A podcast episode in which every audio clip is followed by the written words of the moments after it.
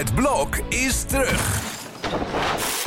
Vier koppels, vier bouwvallen, vier verbouwingen en dus een hele hoop stress. Het blok, iedere werkdag om half negen bij net vijf. Dit is Trick Privé, de dagelijkse showbiz-update met Evert Zandgoeds en Jordi Versteegde. Ik moet beginnen met het uh, aanbieden van mijn excuses Oh. aan mijn partner. Ja, die, ja dat komt door, uh, door onze podcast van vrijdag. Ja, goede vrijdag, goede Ja, vrijdag. nou, ik denk- Goeie vrijdag allemaal. Dat dus, dat, dat gaat al de hele, het hele weekend niet uit zijn hoofd. Oh, wat erg. Ja, Ja. Het is een ontzettende oorworm van de wannabes. ja, maar we hebben er veel reacties op. Het is echt wel vrolijk hoor. Zullen we er elke dag op laten nemen? Ja, nou, wat mij betreft kan dat. Ja, ik bedoel, als je chagrijnig bent, dan moet je er even naar luisteren naar de onze podcast van vrijdag. En dan zit je er gelijk wel lekker Ja, in. Nou, sommige mensen worden daar zagrijnig van, denk ik. Al weet ik niet meer helemaal waar we het over gehad hebben. Maar we gaan ze vandaag ook weer een plezier doen. De Sterren van Nederland. Zo is het. En eh, wij zeiden nog, nou, we moeten die tune insturen naar het Songfestival. Omdat dat beter is dan Ja. het liedje van Mia en Dion. Ja.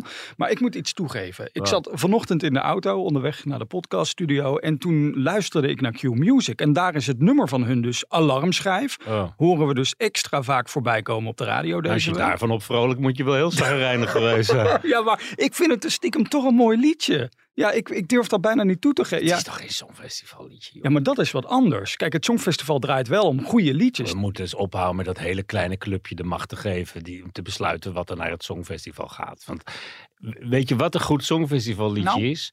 Ken je Sommieu? Ja, ik ken uit Den Haag. Nou, als je dat liedje begint, dan heb je al twaalf punten te pakken. Luister nou.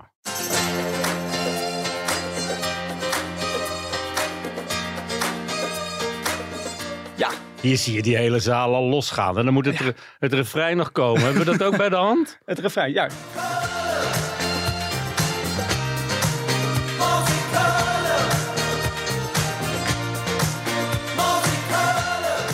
Hier. Oh, jij begint ook gelijk te Ik dansen. begrijp werkelijk niet dat als, zo, als je zo'n groepje bent Mhm. en je hebt zoiets te pakken en je staat met z'n allen in de studio en je maakt dit en dit is het resultaat dat je dan niet denkt, hé, hey, zullen we eens gaan proberen om dat voor het Songfestival in te zenden? Want dit was een knaller door heel Europa geworden. Ja. En zij zetten elk festival op zijn kop. En dan krijgen wij die twee eh, moeilijke types. Eh, Gestuurd door Duncan Lawrence. Trouwens, ik zag Duncan dit weekend bij RTL Boulevard een interview geven met zijn aanstaande man. Ja. Maar, maar ik denk dat hij met zichzelf gaat trouwen. Lijkt- ik heb een foto. Ja, het is ongelooflijk. Het is net een tweeling. Zitten die niet aan elkaar?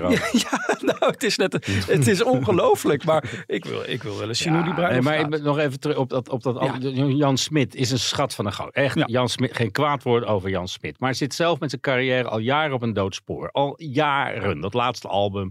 het is niet om- En die moet dan bepalen wat er naar het Songfestival gaat. Cornel Maas met wisselend succes. Al Mhm.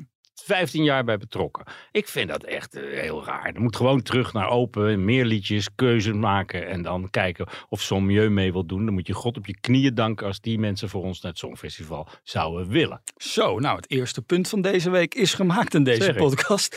Cornel Maas zag ik trouwens gisteren nog, net als de rest van heel bekend Nederland, bij de première van Les Miserables. Die is weer terug en ik zie overal vijf sterren. Het is echt een succes, die Ja, het is echt een groot succes. Ja. En, en vooral die hoofdrolspelers, die krijgen ook, hè, Milan van Waardenburg, Ja. eigenlijk te jong voor de rol. Die heeft dat ontzettend waargemaakt, alle hoge verwachtingen. En ik dacht van, iedereen gaat die draaischijf missen, want ja, dat is toch een groot onderdeel van Les Miserables. Die draaischijf waar die barricades op Mhm. tevoorschijn komen. En dat schijnt helemaal reuze mee te vallen. Hè. Het is met LED allemaal opgelicht eigenlijk, want je ziet echt die mensen sneuvelen. En, en het, is, het schijnt prachtig gedaan te zijn. Ik ga van de week en ik ben heel erg benieuwd naar alle reacties die ik gisteren goed te horen heb gekregen. Want ik heb niemand gesproken die zei van nou het is een slap aftreksel van. En daar was ik eigenlijk een beetje bang voor. Maar dat is het in, in het geheel niet. Ik stond gisteren bij de Rode Loper en je kent Wolter Kroes, hè? die heeft al Ja. van die oogjes, pretoogjes. Ja. En hij had eigenlijk al tranen voordat de musical Natte begon. oogjes had hij. Ja, Ja, om- vanwege zijn dochter Pamela die erin zit. En die ook een, de sterren van de hemel eh, schijnt, schijnt te spelen. Ja. Dus eh, ja, gaat dat zien, gaat het zien. En al 125.000 kaarten zijn Nou, dat was vorige week, maar ik kan me voorstellen dat ze nu over de 140 zijn. Want hier moeten wel heel veel mensen op reageren door te zeggen, ja, dat wil ik zien. Dus musical is nog niet dood. Drie uur duurde het alleen, hè? Ja. Als je van van tevoren denkt drie uur. Heb jij die dat is- tijd wel eigenlijk in jouw drukke agenda? Ja, als ik er een avondje vooruit trek, dan, eh, dan eh, gaat dat vanzelf.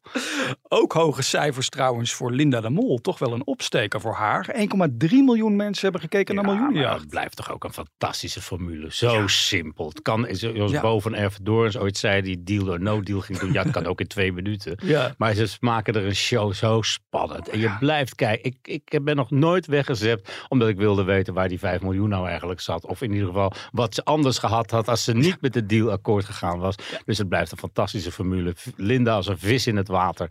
En eh, ja, dit is het programma wat ze tot in lengte vandaag kan en wil gaan doen. Ja, het is een, hè, die 5 miljoen staat centraal, maar je hebt ook altijd van die kleine prijzen. En een van die prijzen was een jaar lang gratis boodschappen ter waarde van 8000 euro. Maar 8000 euro, daar red je het volgens mij niet bij nee, jaar, toch? geen koffie en wasmiddel willen gebruiken. Nee, precies.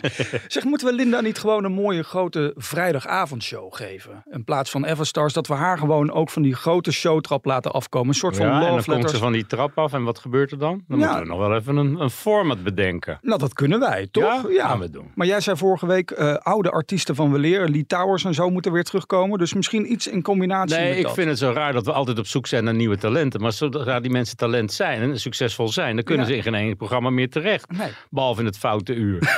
en en dat, dat is toch een beetje een denkfout in, in dat maar jagen naar, naar jong talent. Ja. En vervolgens geen podium bieden aan mensen die er eenmaal eh, gevestigd zijn. Of moeten we Massa Escassa weer terugbrengen op vrijdagavond? Waar Zou het ooit. Nee? Nee, nee, nee, dat, dat, dat, dat loopt toch echt al op zijn laatste benen volgens mij. Ja, want zou SBS klaar zijn nu met ze, nu eh, ja, ze erachter zijn gekomen Ja, dat ze hebben- Peter en Nicole eigenlijk liegen? Ja, dat ik ze weet niet of ze erachter zijn gekomen, want zij zegt dan weer, we waren in september al uit elkaar. Ja. Dat houdt dan in dat ze die kerstspecial bij elkaar hebben lopen acteren. Wat, wat, maar dan zegt hij weer niet dat het niet zo is. Dus ach joh, ik ben er zo klaar mee met die mensen. De- ze- Ja, ja aan de ene kant zijn we er klaar mee. Aan de andere kant was ik laatst bij een rechtszaak over de zoon van, van Peter Gillis, Mark in Den Bosch. En ze zijn die rechtbank nog niet binnen en er stormt een groep met jongeren op ze af. Ze hebben wel fans. En dat is het gekke natuurlijk. Ze kunnen alles doen, maar tegelijkertijd blijven ze wel mensen hebben die, ja, dus je zou zeggen, Leel Kleine was ook het meest gestreamd, toch? dat is waar. Ja, dat is waar. Goed punt. Tot slot gaan we nog even naar, naar Geraldine Kemper. Over kamperen gesproken. Eh, want zij heeft, wat heeft zij nou weer Ja, uitgesproken? niks. Ze verzint het. Ik, geloof er allemaal geen ene reet van. Verzint die het? verhalen. Ja, jongen. Dan zit ze weer te kotsen in een portiek en heeft ze seks met degene die achter die voordeur woont. Hè? En dan zit ze weer in een, in een gondel eh, met, met de vriendjes seks te bedrijven in zes minuten met een gondel ervoor en een gondel erachter. Ik geloof er allemaal geen reet van. Het zijn allemaal leuke verhalen voor een podcast. En dat Mhm. je denkt van nou, hier trek ik de aandacht mee. En dat doet ze ook. Ja. Maar ik geloof er gewoon langzamerhand geen ene malle moer meer van. Ja, want haar tv-carrière eh, zit een beetje op een dood spoor, geloof ik. Hè? Vrouw loop je toch zo voorbij in de Kalverstraat? Ik wel. presenteert Big Brother, maar dat is geloof ik ook geen Ja, succes daar kent ook niemand ervan. Maar goed, seksen in een gondel, ja, het zou kunnen natuurlijk, als er verder niemand in In zit. zes minuten? Ja, ja, ik, Met, met, je, met je thermopane eh, kleding aan. En dat moet dan allemaal uit. ik ga eens even kijken of dat kan. Dan, eh, nou, tot volgende week naar de apres-ski. precies. En hopelijk ook tot morgen, want dan zijn we er weer om 12 uur.